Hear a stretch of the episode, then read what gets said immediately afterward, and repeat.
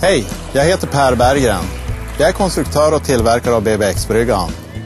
Vill du ha en lätt, smidig och snygg brygga? Gå in på vår hemsida, bbxbryggan.se och se hur otroligt enkelt du monterar den själv. Ja, jag har haft en smärre eh, antydan till något eh, obekant eh, i nedre län- ländrygg då. Okej. Och detta har kommit... Detta har kommit eller? ganska nyligen då. Ja. Fortfarande utrett, eh, outrett och, och Ja. mm, eventuellt att det inte leder till något större då utan eh, ja, men det är klart att man, blir till åren kommen och man, man börjar känna de här små känningarna i kropp och, och, och sådär. Ja, ja. Nej, nej, kropp och leder. eh, Nej, det har du helt rätt i. Det, det, det, det börjar man ju känna lite eh, sådär. Eh, jo, jag har haft känningar i knä och, och, gått och fått detta utrett och sådär. Men att ja, med lite mer rörelse och, och lite knäböj och, och lite olika typer av övningar så ska jag kunna hålla det i schack. Men det är ju kopplat till ålder och, och sådär eh, såklart. Och I kombination med lite stillasittande och sådär.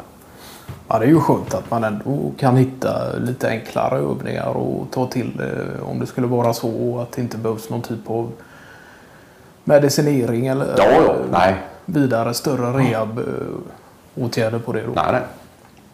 Nej, så länge du håller kroppen i trim och ser till att röra lite på det det. och, och har någon typ av balanserad kost och sådär så Och jag tänker just på din eh,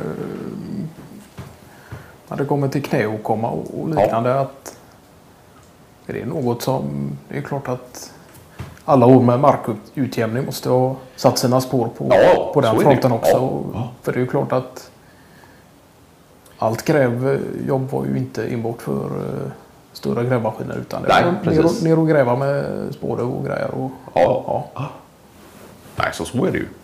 Och det får man ju känna på nu och även om det inte har varit så mycket de senaste åren så är det ju saker som har legat och dratt och, och,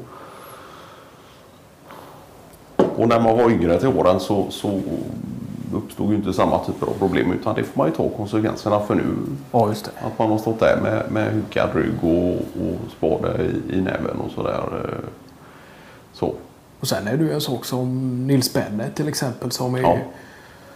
håller på med geologiska studier Ja. inne på kontor mestadels. Men har som hobbyintresse och förutom trädgårdsarbete eh, även gräva ut lite på skoj arkeologiska utgrävningar.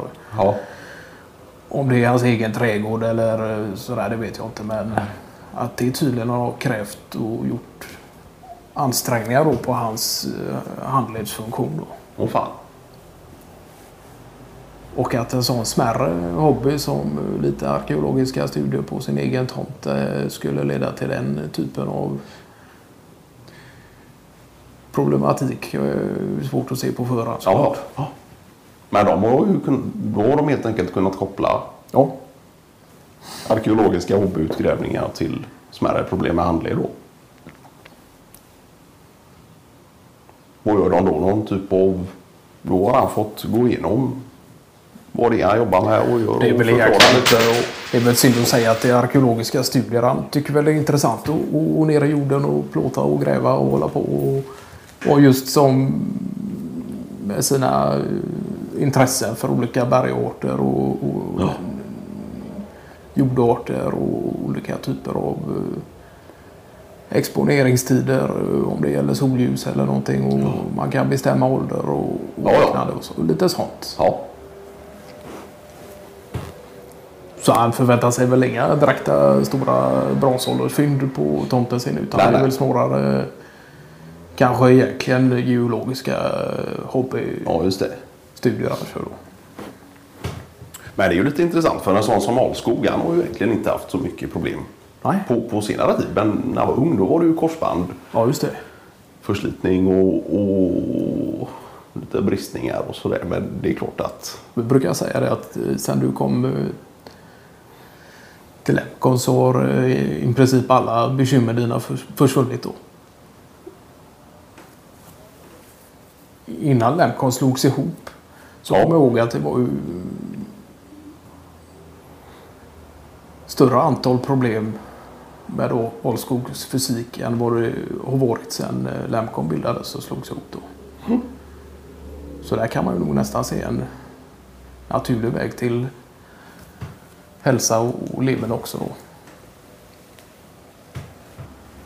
Men ni har inte alls den typen av förslitningsskador och så idag med eh, Tänker en sån som Nej. Gingerud som tränar och har sig och Ja, ja. när han väl är ute på, på, på fält så är det sitta eventuellt i grävmaskin eller dirigera lite vid Ja, sidan om. Och, ja.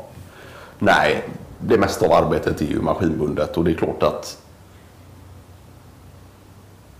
vi har ju försökt minimera antal tunga lyft och, och sådär så mycket som det går då. Så det är ju egentligen nästan ingenting som görs för hand längre utan det är maskinbundet då. Så det är klart att sen, ja, en olycka sker ju aldrig planerad. ja, just det. Och sådär. Och saker kan ju hända och, och, och det räcker ju att du lyfter fel en gång eller eh, sträcker dig på fel sätt och då är det rätt att få en bristning eller något sånt där. Men eh, vi har ju försökt att riskminimera så mycket som möjligt. Eh. Ja, det är klart som folk säger också att eh, det stämmer ju att folk är rädda att få flyga men eh, det är ju en, en större chans att, att hamna i någon typ av olycka om man eh, färdas bara i bil till jobbet. Ja. eh, Och sen är det ju... Det vet jag att eh, Ålskog sa någon gång där när vi, vi diskuterar just yrkes, lite yrkesskador och sådär att ja, just förr i tiden, låt säga för en hundra år sedan när det mesta gjordes för hand. Då var de ju starka och sådär i kropp och, och, och sådär. Men de coolade ju vippen när de var 40-50 också. Och det gjorde de ju rätt i Ålskog. Att eh, även om vi ser vissa problem med, med, med ja, hållning och sådär idag Ja, kanske. det. så, så har vi ändå kommit längre och folk lever längre idag. Och det kan man ju nästan tro när man ser Kenneth Ahlskog själv att eh, han med tanke på hans hydda gärna utför lite kroppsarbete och liknande men eh, där är det ju nästan raka motsatsen utan han, han föredrar sin eh, ergonomiska kontorsstol och ett par cashews så, så, så får det vara bra där.